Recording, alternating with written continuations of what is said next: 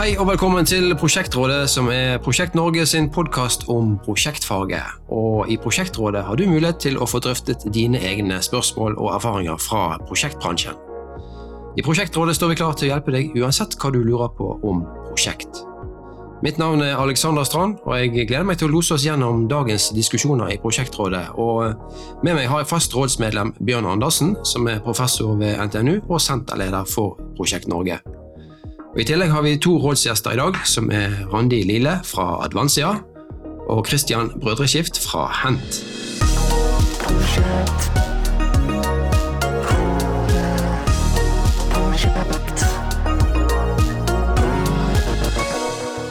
Velkommen til Prosjektrådet, Randi og Christian. Takk. Ja, Skal vi høre litt hvem er dere, eh, og kan dere fortelle litt uh, hva slags bakgrunn dere har? Skal vi begynne med deg, Randi? Ja, ja, jeg heter Randi. Jeg jobber som prosjektleder for eh, Komplekse byggeprosjekt. Leder for tida et kjempespennende prosjekt på Fornebu for Bærum. Med undervisning, kultur, folkebibliotek, og jobber akkurat nå for tida i Samspill. Veldig moro. Jeg har bakgrunn som eh, arkitekt. Utdanna opp på Gløshaugen for mange år siden. Og etter hvert eh, ja, jobba med litt forskjellige ting. Ja, Bra. Og du Kristian? Jeg har min bakgrunn som eh, byggingeniør og økonom. Jeg har vært raller i mange år og jobba et år i Sverige og jobba stort sett over eh, hele Norge. Fra Kirkenes i, sør, nei, i nord og ned til Kristiansand i forbindelse med et kultur, kulturhuset i Kristiansand. Så Eh, nå jobber jeg med tidligfase, prosjektutvikling eh, på Hent. Og da er det primært samspillskontrakter jeg jobber med. Ja, Veldig bra. Eh, og du Bjørn, vil du si litt hvordan går det med deg og Prosjekt Norge? Jo, vi står på, vi. Ja. Jobber på, har konferanse nå snart. 21. Ja. eller Spørs når episoden kommer ut, men 21. september er det konferanse. Ja, Vi må få den ut før det, så det kan ja. si litt om. Hva... Ja, det blir det spennende. Flere strømmer, mange gode foredragsholdere. Anne mm. Live Vågås har VBI som er programsjef for den, og har satt sammen et godt program også i år. Ja, og det blir eh, på BI i Oslo? Ja, og det foregår på BI i Oslo. 21. september. Ok, Da skal vi straks i gang med, med, spørsmål som vi har fått innsendt fra prosjektbransjen. og um, Først en liten uh, disclaimer, som det heter på podkastspråket. Uh, og det er at vi holder personnavn og firmanavn anonymt, sånn at ingen skal være redd for å sende inn problemstillinger uh, til prosjektrådet. Da går vi på første spørsmål her. og det lyder som følger Hei, dere i Prosjektrådet.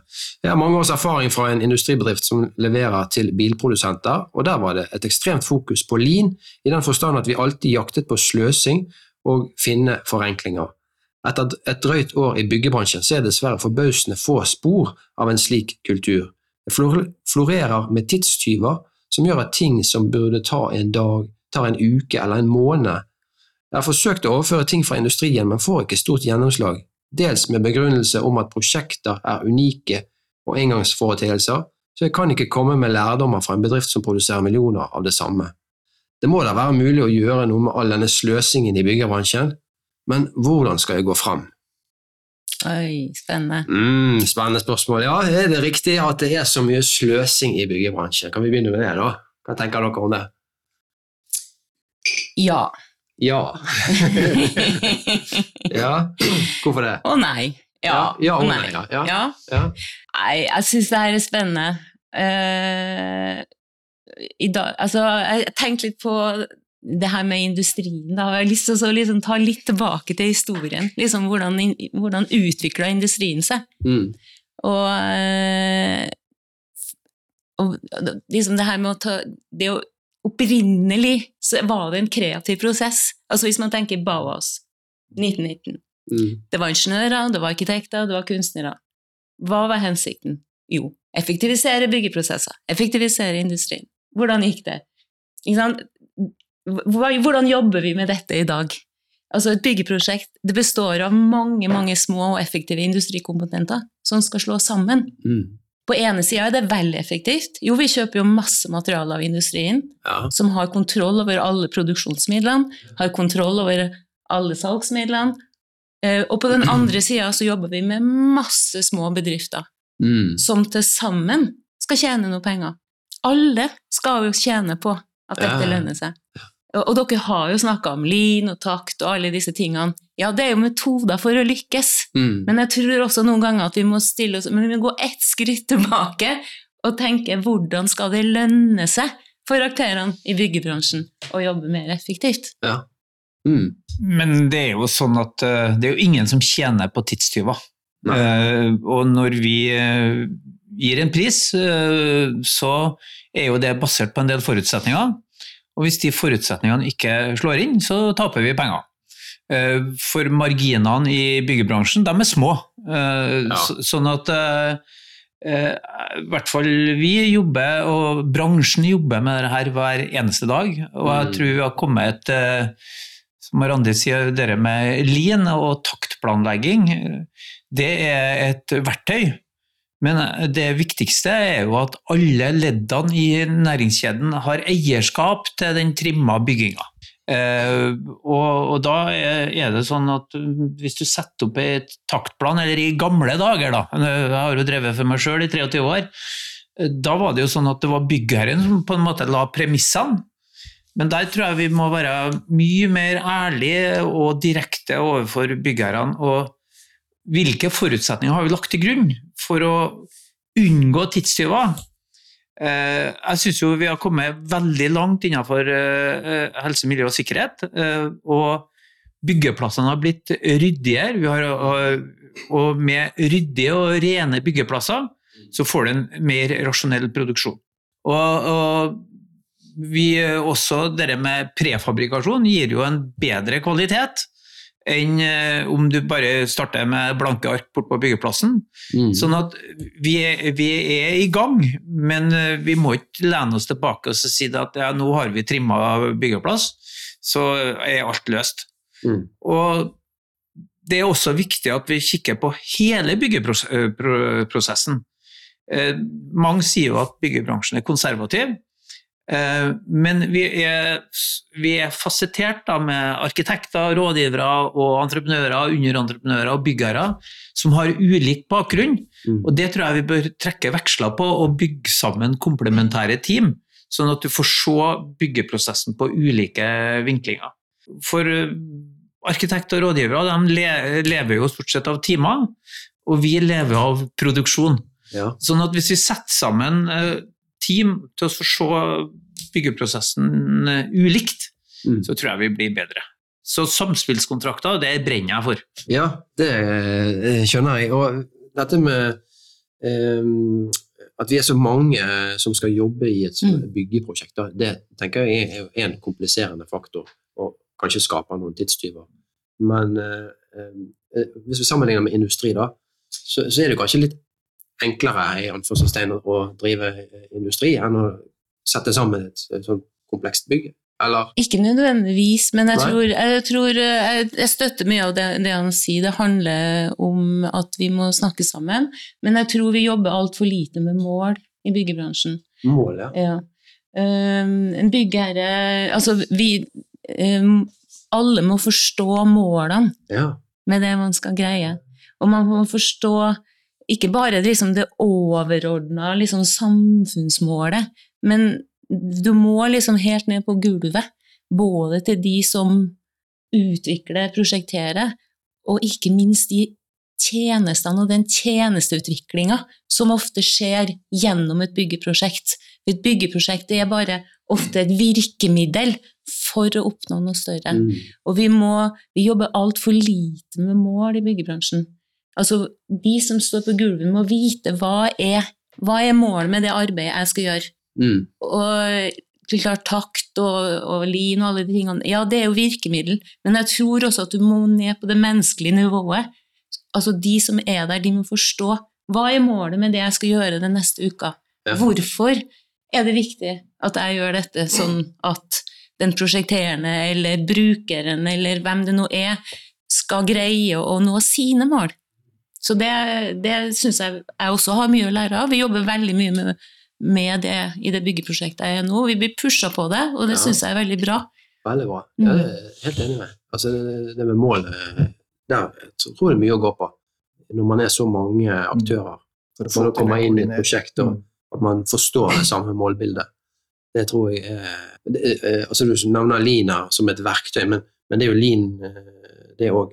Å, å ha en felles målbilde. Det er kjempeviktig. Jeg tror det er litt, litt todelt kanskje også. Dere nevner jo både takt og lean, og det har vært kalt rimabygging og involverende planlegging osv. Og, og, og det er jo en metode for å få de ulike fagene til å være koordinert, renere byggeplass, mindre overlapp osv. Og, så og det tror jeg fungerer veldig godt. Tatt ut mye gevinst på det. Mm.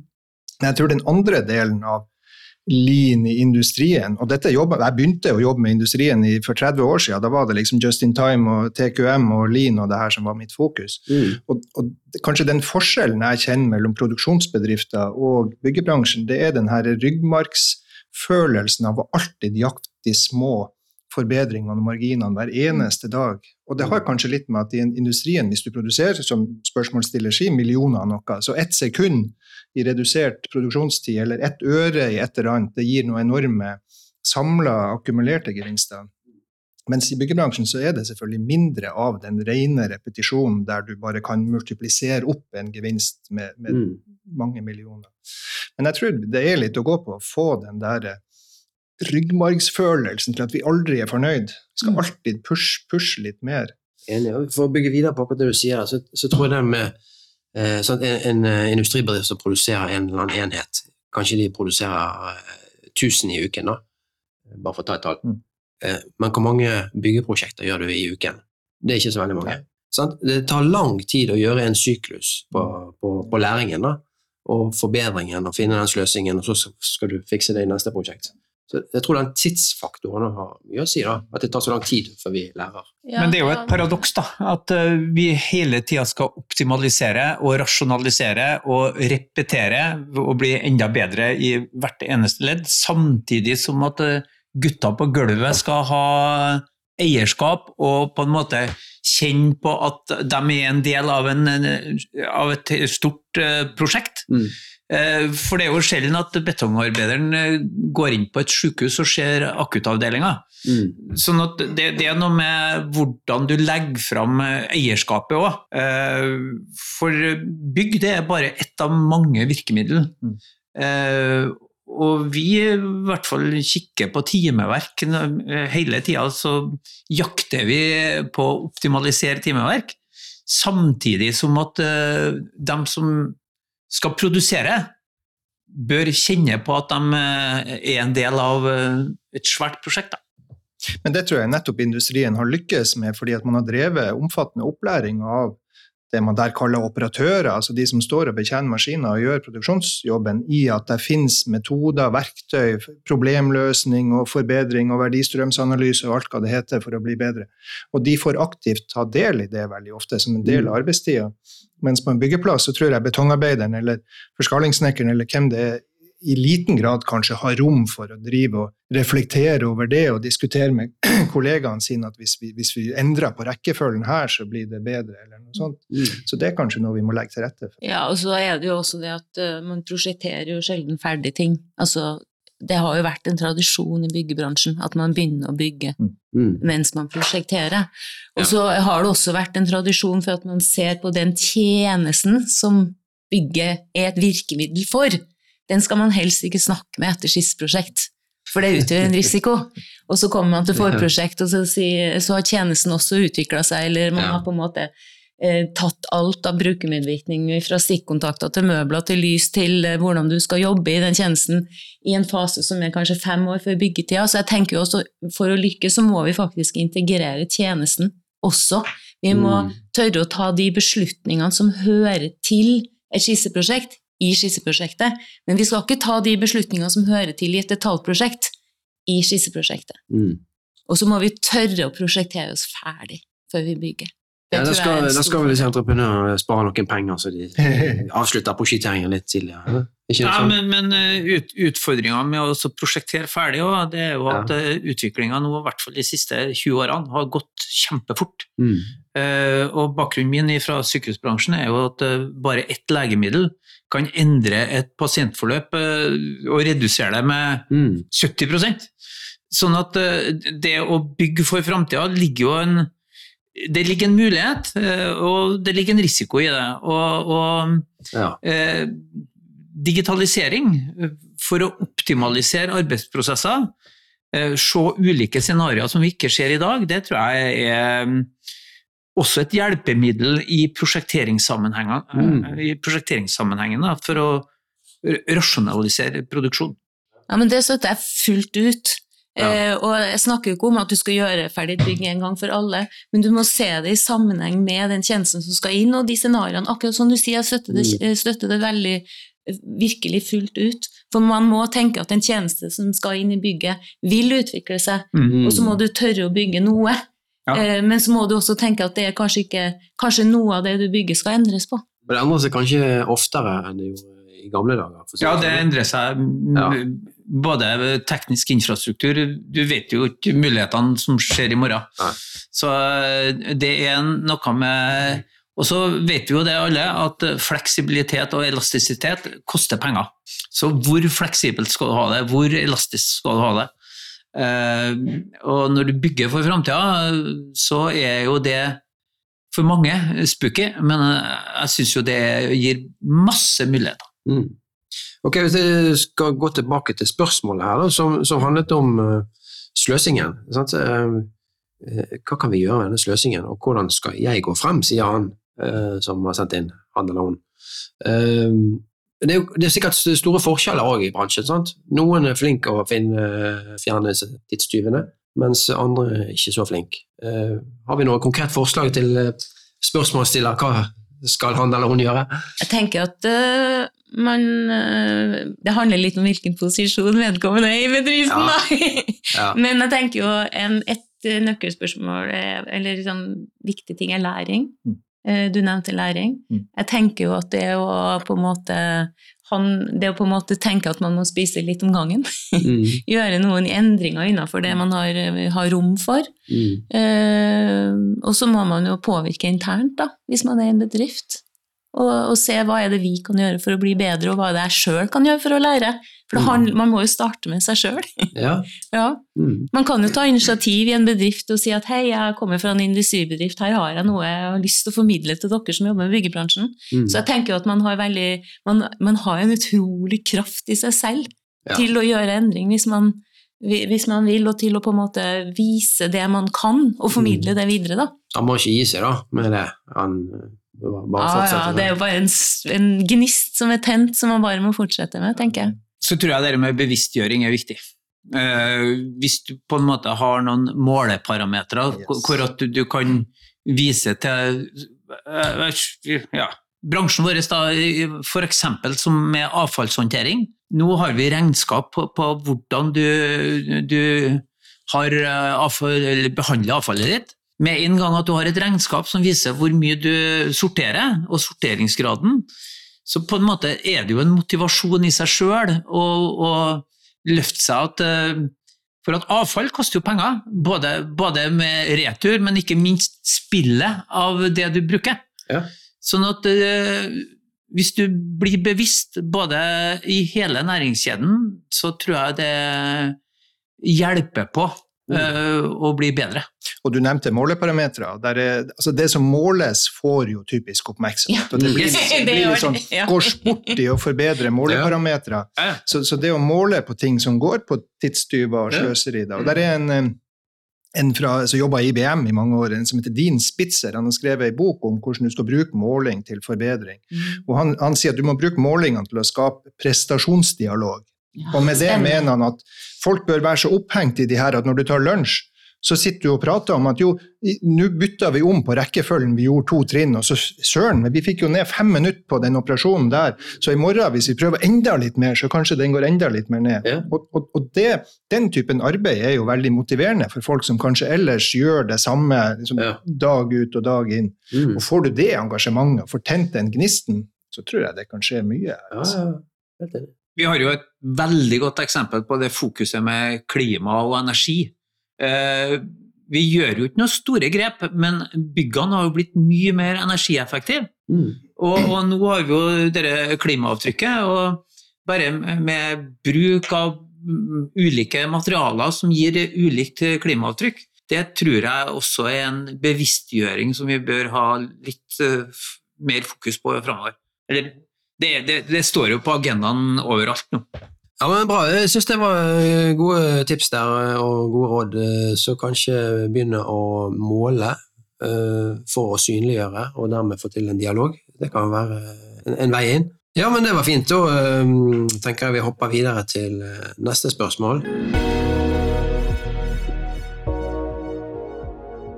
Hei, Prosjektrådet. Jeg er bekymret. Jeg arbeider som planlegger hos en stor entreprenør, og nå skal vi snart i gang med byggingen i et veiprosjekt. Det er lagt opp til rask fremdrift for å bli ferdig. Til det skal åpnes et kjøpesenter utenfor byen her.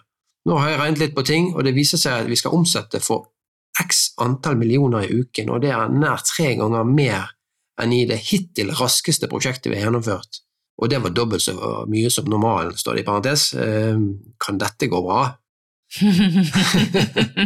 det høres jo kanskje litt ambisiøst ut hvis det er tre ganger raskere enn det hittil raskeste prosjektet de har gjort.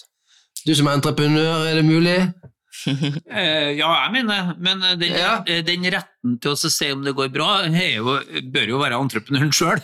Han har jo gitt pris, og han har jo tydeligvis en kontrakt på det her, så men det høres ut som et dårlig utgangspunkt hvis en ikke har trua. trua sjøl. Det er helt sant.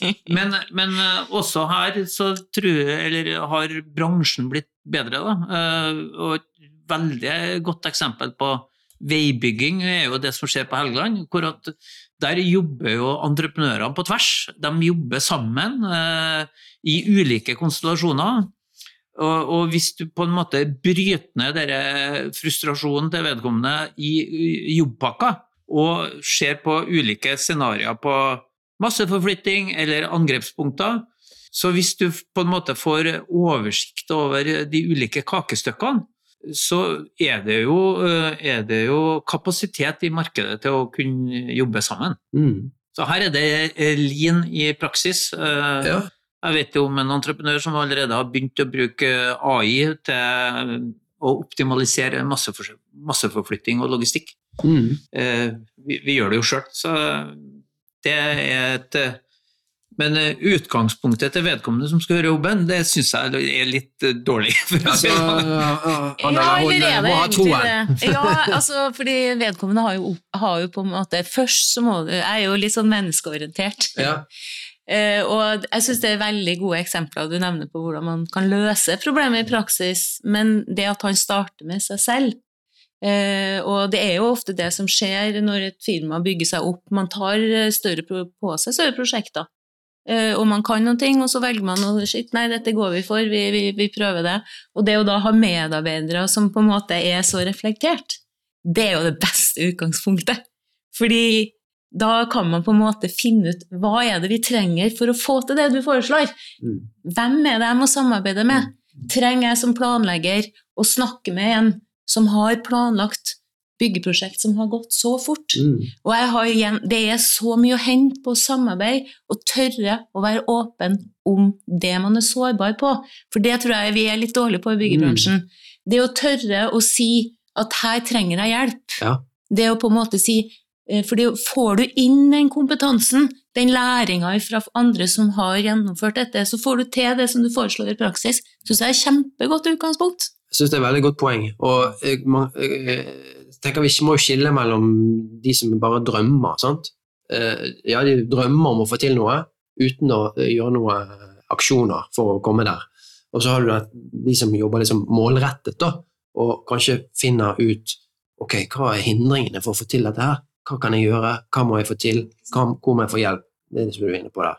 Så det er begge deler. Men tiltakene er bra!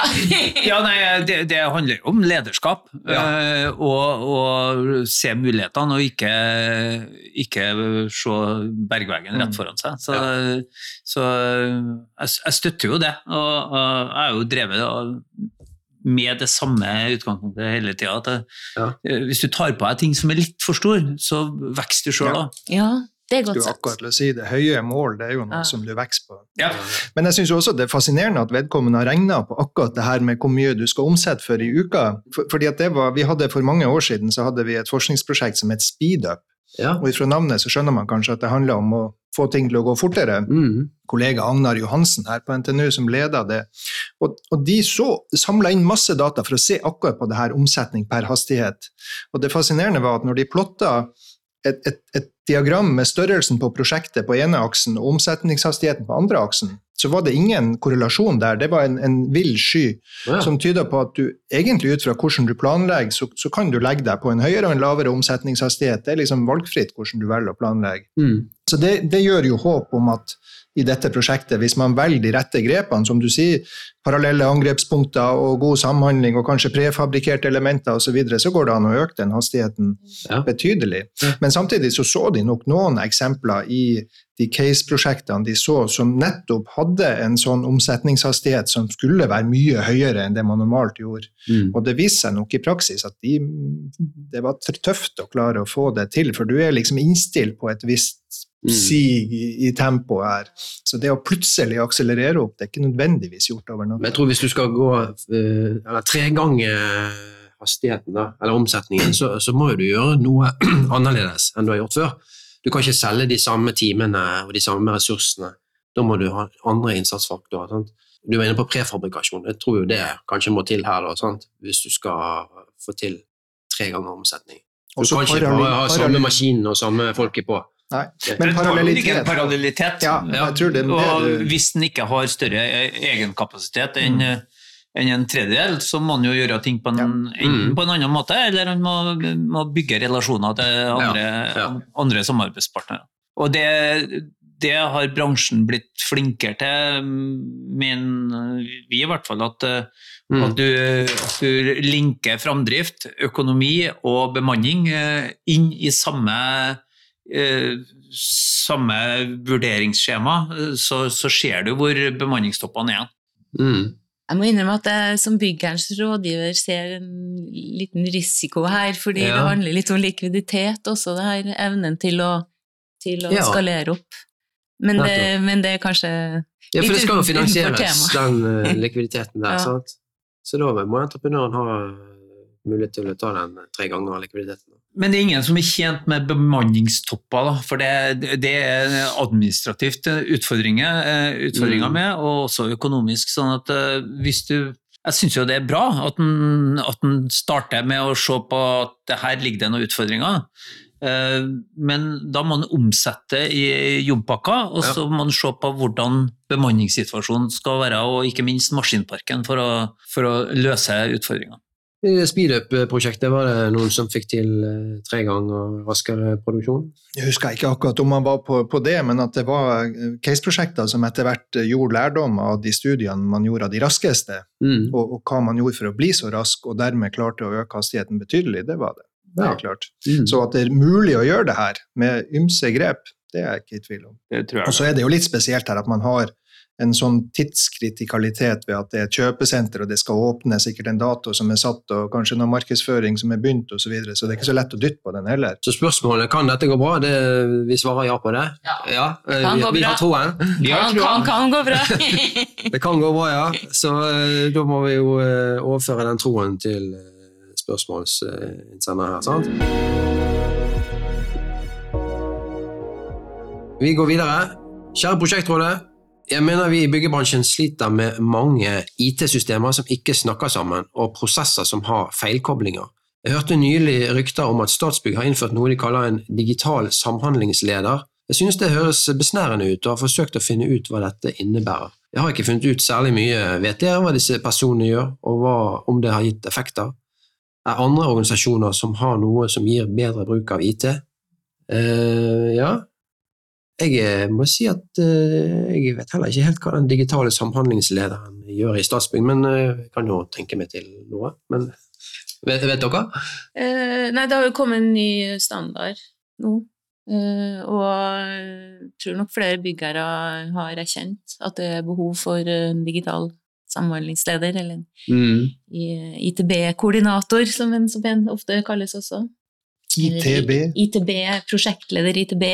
Eh, man har jo jobba lenge med teknisk koordinering, Mm. men det er jo et, kjempe, det er et veldig stort behov for det. Jeg tror eh, tror vi er kjømt av eh, veldig mange nå som begynner å se konsekvensen av, av problemene også for tjenestene som er inne i byggene. Mm. Vi, vi, vi jobber jo mye med sensorer i byggene, og i tillegg har vi eh, sikring, vi har rom som skal brukes av flere tjenester, som skal låses til bestemte tider og åpnes eh, automatisk. Mm. Og i tillegg har vi jo mye av det her kobla opp til tjenestene òg, så behovet tror jeg vi har bare så vidt begynt å pirke i behovet. Jeg tror Ja. dette er det nye store som vi er nødt til å ta tak i. i Jeg tolker spørsmålet her at- det går litt mer på prosessen i prosjektet, Mm. at eh, IT-systemene i prosjektet. Men uh, Ja, nei, det er jo fordi det er kanskje vi- 100 forskjellige firmaer som skal inn i et Ja. bygg, ikke sant, med ulike IT-system etter Mm. hvert. Det skal jo snakke sammen. Eh, Vi kan ikke ha eh, masse så jeg, opp, Men en, en digital samhandlingsleder i det prosjektet jeg jobber med Vi kaller det ikke digital samhandlingsleder, men vi, vi jobber med det. Vi, både fra byggeiersida, og vi har anskaffa det fra entreprenørsida. ja, Og det her er en, en viktig prosess som vi tar tak i. ok. Så får vi se hvor det bringer oss, men eh, vi Ja, ja, prøver ja. å ta tak i det tidlig. eh, Sånn at vi eh, Mm. prøver å få kontroll på hvor problemene kan dukke opp. Da. Bra. Dere henter dere en digital samhandlingsleder? Eller noe annet? Ja, vi kaller ikke det, men Nei. den største utfordringa i byggebransjen i dag, det er jo at det er for mye siloer. Det, det er for mange system mm. som ikke snakker sammen. Og den digitale samhandlingslederen, han skal jo Apropos det forrige spørsmålet eh, på den veibyggeren her, han burde hatt en digital samhandlingsleder for å synkronisere alle inputene for å få, få gjennomført byggeprosessen på en bra måte. Mm. Men det er jo for å øh, synkronisere alle, øh, alle data og alle digitale hjelpemidler, så at de snakker sammen. Eh, og vi har jo papirløse byggeplasser, vi har eh, BIM, vi har VDC, masse sånne store bokstaver, men eh, de fleste kjenner vel til det.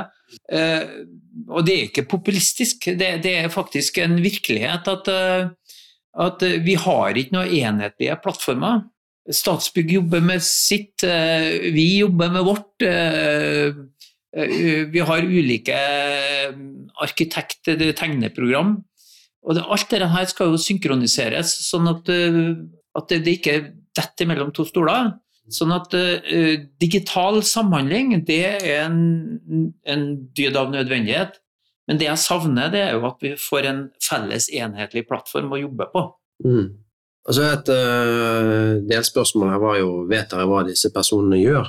Uh, og og det, da er det kanskje det å koordinere informasjon Ja. mellom ulike parter ja, eller ulike systemer, IT-systemer. Nei, hos oss, jeg vet jo ikke, jeg har jo ikke jobba for Statsbygg, men hos oss så er jo den, eh, den som jobber med det hos oss, er veldig viktig for tjenesteutvikling også. Mm. Eh, Det er, ikke altså, det er ikke bare i selve byggeprosjektet. Skjønner. Det Ja. handler om hvordan skal vi drifte dette bygget, hvordan tar vi imot FTV-systemene, Ja. hvilke, hvilken informasjon skal bygget gi oss i driften, Mm. og hvordan skal tjenestene utnytte seg av den digitale informasjonen som bygget gir i driftsfasen. Ja. Så, så, så, spørs, så vi, det er en bredere rolle, det er en viktig, en rolle, og den er, den er bredere enn en, enn rett og slett bare samhandling av selve byggeprosessen. Dette handler om eh, et bygg som skal stå i hele sin levetid, Mm. og være digital. Du setter nok ord på at det er to faser. Det er selve byggefasen, og så er det alt som skjer i 30-40-50 år etterpå. Mm. Men, men nå kjenner jeg tilfeldigvis Kamalan Rasas en gang, som, han, som, som er den som først ble ansatt som sånn digital samhandlingsleder. Og um, Nå har jeg ikke rukket helt å spørre han inngående hva han, hva han gjør, men jeg tror nok dere er jo selvfølgelig inne på det, at det er verktøy fra mange ulike aktører som ikke nødvendigvis snakker sammen, enten det er grensesnitt eller det er filtyper eller hva det måtte være for noe. Mm. Og, og det var vel noe man lærte i, i når man, altså Statsbygg hadde det første prosjektet hvis jeg ikke husker feil, var en sånn trafikkstasjon oppe på Geilo som skulle være Mm. helt uh, papirløs. Mm. På Gol. Ja, på Gol, unnskyld. ja. ja. Mm. Og, og, og, og det fikk de vel til mye godt. Jeg har hørt et par foredrag Ja. fra de som jobber der, men de innså vel også at det var en del sånn isolerte siloer som, Mm. som ikke klarte å snakke sammen. Så jeg tror logikken bak denne personen er at i hvert fall i noen store prosjekter der det blir mye systemer som, som må samhandles, så kan det være én dedikert dedikert person som identifiserer tidlig hvor er det ting som ikke snakker sammen. Kanskje en leverandør må velge å bruke et annet verktøy enn det man egentlig hadde tenkt for å få det her til å Mm. svinge sammen. Så uten, jeg har ikke hørt noe om effektene, om man syns at dette er verdt verdt det, men det høres for meg ut som en logisk eh, tilnærming. Ja. Nei, Vi har en- I vårt prosjekt så har vi, har vi det både fra byggherresida, også fra entreprenøren. ja. Ikke sant? Den som skal, for vi trenger det også, for det, fordi det er et komplekst byggeprosjekt som skal gjennomføres. Ja, ja, ja. Eh, Mens vi fra byggherresida skal jo drifte dette bygget. Så, så det blir på en måte en egen prosess. Trenger en Ja, På hver side, det er en egen prosess iblant alt det andre, da, kan Mm. du si. Mm, jeg syns det er veldig interessant, og jeg tror vi har veldig mye å hente på Ja. det. Mm. Og så er det en viktig parameter som vi har vært inne på tidligere, eh, det er at den eh, digitale samhandleren eh, har dokumentasjon for å kunne måle. Eh, Vi måler jo MMI eh, he- hele veien, både i skisseprosjekt, i forprosjekt og i gjennomføring. Og med, hvis du bruker den informasjonen du får, da, den digitale informasjonen, både til dokumentasjon i slutten, men ikke minst underveis, så, så vet du om du er på rett vei, og at eh, det er ikke nok at eh, VVS-rådgiveren har, har en MMI på 300 når resten har på 150. Mm. Sånn at du kan også nivellere eh, forløpet i, både i, i prosjektering og produksjon med en, en oppegående samhandler. Da. Mm. Eh, Jeg tenker nå tilbake til de to forrige episodene vi hadde i Prosjektrådet om AI. Og Janne Aas Jacobsen som var gjest der, hun snakket jo om eh, den, den informasjonsmengden vi har i byggebransjen, som er helt enorm. Og det var jo derfor en honningkrukke for, for hennes selskap å jobbe med. Og, så jeg tror at det ikke er noe tvil om at vi trenger eh, samhandling om denne informasjonsmengden, og den er jo digital. Så eh, jeg tror dette kommer det sikkert mer av eh, i tiden fremover. Eh, ja. Men vi vet ikke helt hva, hvilke effekter det har gitt ennå, så det får vi komme tilbake til. Men ellers vet vi jo at Statsbygg generelt er jo veldig villig til å dele sine lærdommer og erfaringer, så Mm. det vil jeg tro å ta kontakt med noen i Statsbygg her, så får man sikkert høre mer om det. Det kommer vel noen fra Statsbygg på Ja, prosjektkonferansen, gjør det også. man kan melde seg på. Ja. Mhm. Hei igjen, da er vi kommet til veis ende i denne episoden av Prosjektrådet, og vi takker våre rådsgjester Randi Lille fra Advansia og Christian Brødreskift fra Hent. Dette var episode 15 av Prosjektrådet, som er første del av en dobbel innspilling. Og nå kan du glede deg til episode 16 av Prosjektrådet, der du får høre mer om problemstillinger fra prosjekter. Hør annet om ledelse av linje og avdeling kontra ledelse av prosjekter. Og eh, kan man ha tillit i prosjekter og samtidig drive kontroll? Har du forresten meldt deg på Prosjekt 2023, prosjektkonferansen som arrangeres av Prosjekt Norge? Der får du høre om alt mulig innen prosjekt. De har eh, fire forskjellige strømmer som kan følges. Strøm nummer én fra klimaversting til miljøforbilde. Nummer to ledelse for effektiv prosjektgjennomføring, dilemmaer og kritiske grep. Nummer tre prosjekt 4.0 og digitalisering i prosjektprosessene. Nummer fire samhandling for oppfyllelse av strenge miljøkrav i kommunale prosjekter. Videre kan du høre plenumsforedrag av bl.a. Harald Nikolaisen fra Statsbygg, Elin Maria Halvorsen fra Equinor, Egil Hogna fra Norconsult og ikke minst filosofen Øyvind Kvalnes. Du kan se utstillere og stands, bygge nettverk med andre i prosjektbransjen. Se hele programmet og meld deg på ved å gå inn på prosjektnorge.no. Glem ikke å abonnere på Prosjektrådet i din podkastspiller, så er du sikker på å få med deg alle episodene når de kommer ut. Prosjektrådet er Prosjekt Norge sin podkast om prosjektledelsesfaget og kobling til problemstillinger i praksis. Står du i en vanskelig situasjon i ditt prosjekt og lurer på hva du skal gjøre? Har du kanskje et prosjektdilemma som du ønsker innspill på fra andre? Eller har du en vanskelig ledelses- eller samarbeidssituasjon i prosjektet ditt? Prosjektrådet lytter og diskuterer gjerne uansett hva du ønsker å dele. Ta da kontakt med Prosjektrådet i dag, så drøfter vi kanskje din problemstilling i en av våre kommende episoder. Du kan sende dine spørsmål og tema til post krøllalfa prosjektnorge.no. Og lytt gjerne òg til vår søsterpodkast Prosjekteffektpodden, som du finner på prosjekteffekt.no, eller der du liker å høre podkast. Prosjektrådet er produsert i samarbeid med T2 Prosjekt, og mitt navn er Alexander Strand. takk for at du var med oss. Så høres vi igjen i neste episode av Prosjektrådet.